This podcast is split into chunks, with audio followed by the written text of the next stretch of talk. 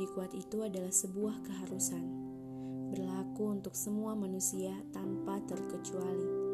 Karena jika tak kuat, maka kamu akan kalah.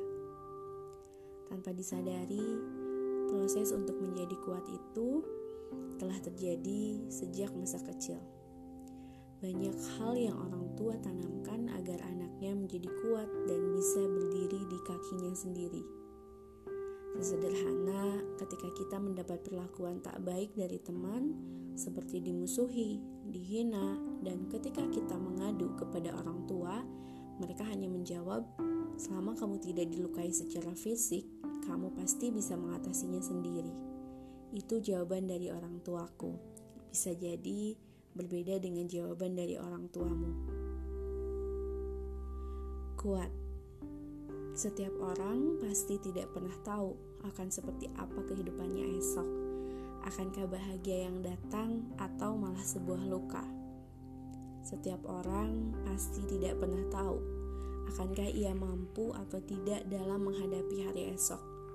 Tapi mau tidak mau mereka harus mampu dan bisa melewati esok dengan lebih kuat agar menjadi lebih baik. Setiap waktu yang berlalu, proses yang menjadi bagian di dalamnya adalah sebuah alur yang saling berkaitan.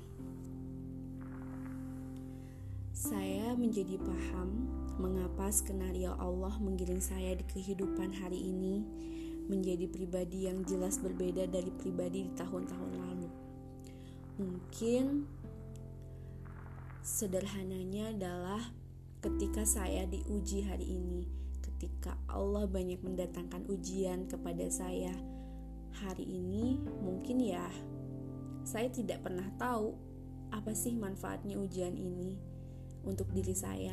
Mungkin yang saya tahu ujian hanya sebuah hal yang utamanya adalah uh, melemahkan. Iya, setiap manusia pasti pernah ada di titik lemahnya masing-masing. Tapi mereka pun punya pilihan untuk terus berada di titik itu atau bangkit menjadi lebih kuat. Iya. Sama halnya seperti apa yang telah saya alami dulu dari mulai masa kecil, dari pola didikan mama dan papa, dari semua hal yang terjadi di kehidupan saya di masa lalu, mungkin pada saat itu saya tidak tahu apa sih ini gunanya untuk saya, apa sih ini manfaatnya untuk saya. Mungkin manfaat itu tidak akan langsung dirasakan oleh kita pada saat itu juga, pada saat pola didikan itu diterapkan atau pada saat ujian itu diujikan, mungkin tidak akan terasa atau tidak akan pernah tahu apa itu sih manfaatnya untuk diri kita atau untuk kehidupan kita gitu. Tapi setelah saya memaknai setiap prosesnya, ternyata oh alurnya itu saling berkaitan. Ketika saya dididik seperti e, cara A misalnya di masa lalu atau di masa kecil saya, ternyata cara A itu berguna untuk masa sekarang. Di mana misalkan saya dihadapkan di kehidupan yang tidak mudah dan saya bisa melaluinya karena sedikit banyaknya pengaruh semua yang terjadi di masa lalu gitu. Jadi intinya setiap hal itu saling berkaitan satu dengan yang lainnya. Dan pasti akan selalu ada kebaikan yang bisa diambil dan diimplementasikan. Iya Masya Allah atas izin Allah. Allah mempertemukan saya dengan banyak kebaikan yang walaupun harus melalui proses untuk menerimanya. Banyak sekali kebaikan yang Allah berikan, yang Allah perlihatkan kepada saya. Des, ini loh, ini loh kayak gini. Walaupun saya tidak bisa langsung menerimanya atau mengimplementasikannya. Kadang ya uh, masuk kuping kanan keluar kuping kiri ya selewat aja gitu. Udah berlalu begitu saja. Tapi akan ada saat di mana bahwa saya benar-benar memaknai bahwa kebaikan itu hadir ya karena kasih sayang Allah untuk saya. Walaupun untuk menerimanya perlu proses yang tidak mudah dan proses yang sangat panjang. Maka dari itu, kenapa saya banyak belajar bahwa jangan pernah menjudge orang lain dari prosesnya. Ketika sering sekali kita temui atau bahkan mungkin saya juga dulu pernah mengalami bahwa ketika saya misalkan selangkah lebih maju dari orang lain perihal berpakaian, saya merasa bangga Lalu ketika saya melihat orang lain yang ada di bawah saya, levelnya dalam hal berpakaian, lalu saya menjudge misalkan, kok dia kayak gitu sih, kan harusnya kayak gini ya. Nah, itu saya benar-benar memaknai hal ini dari proses yang saya jalani bahwa kita tidak bisa menilai orang lain dengan mudahnya karena kita tidak pernah tahu hari esok. Bisa jadi hari esok dia lebih baik daripada kita. Iya, atau bisa jadi amalan-amalan dia yang lain yang tersembunyi itu lebih baik daripada kita. Iya, sesederhana itu. Intinya jangan pernah menjudge orang lain. Oke. Okay. Allah membuat saya belajar bahwa sebaik-baiknya manusia adalah yang bermanfaat bagi manusia lainnya. Itu adalah sebuah wujud dari bahagia yang nyata.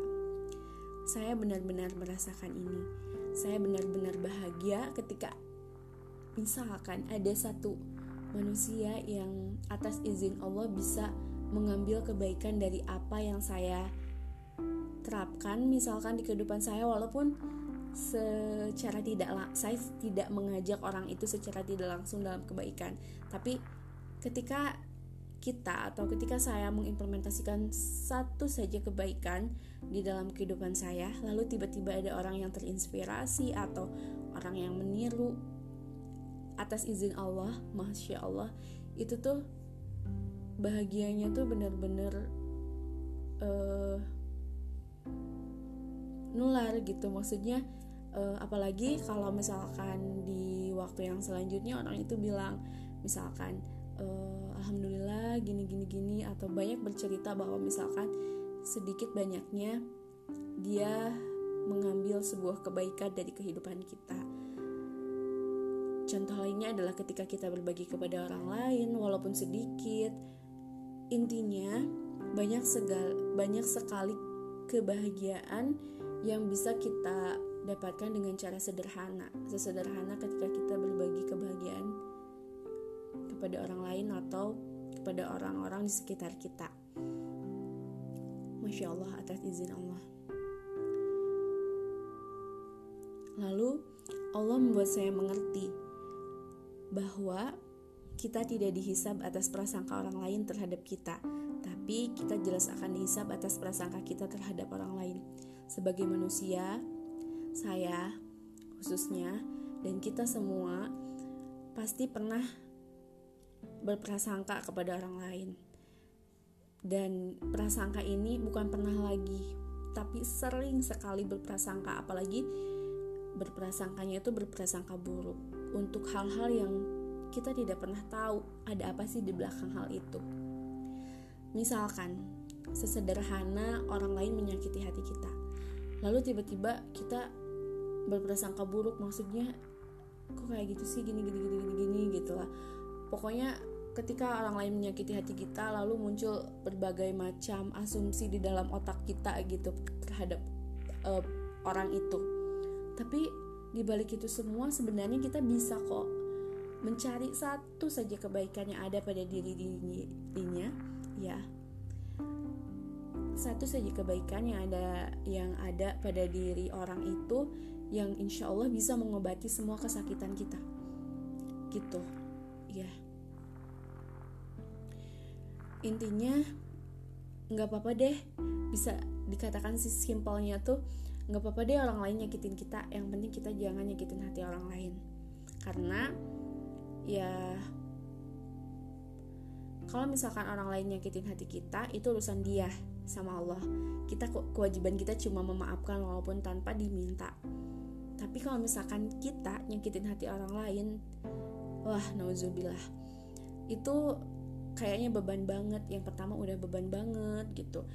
Yang kedua tentunya ya kita dapat dosa hidup kita nggak akan tenang. Jadi lebih baik sebisa mungkin jangan pernah punya masalah sama manusia. Ketika kita memiliki masalah yuk langsung selesaikan permasalahan tersebut. Jangan dibiarkan berlarut-larut sekalipun kita harus meminta maaf untuk hal yang kita tidak salah tapi itu benar-benar bisa membuat kita hidup lebih tenang. Oke. Okay. Lalu Allah membuat saya menjadi kuat, menjadi dewasa untuk menghadapi berbagai persoalan dengan berpegang kepada ketentuan syariatnya. Beberapa hari terakhir ini banyak sekali ujian yang Allah ujikan kepada saya.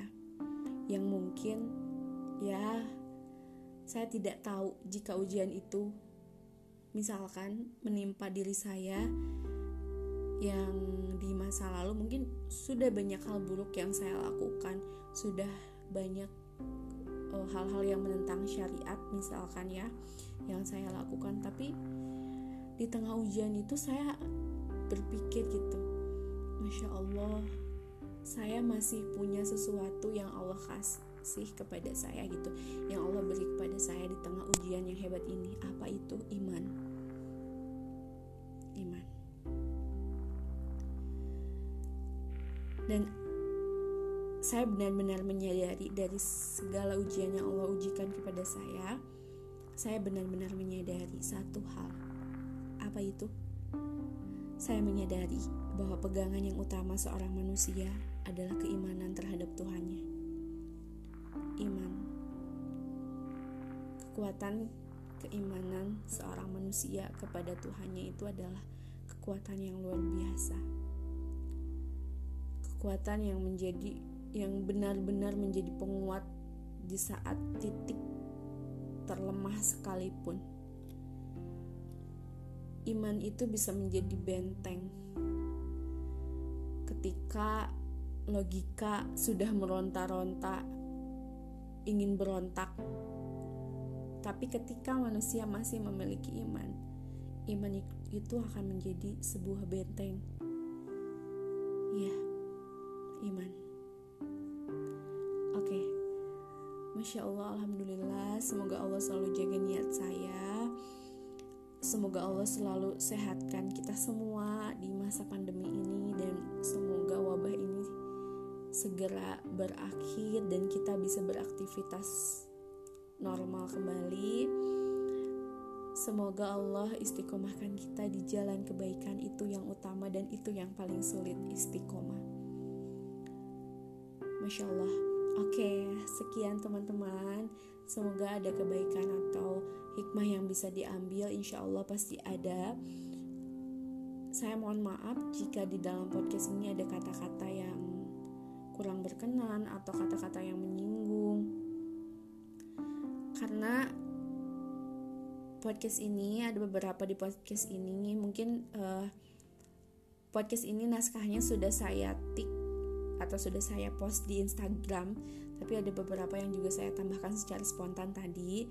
Nah saya mohon maaf jika ada yang kurang berkenan atau ada yang menyinggung ada yang kurang tepat.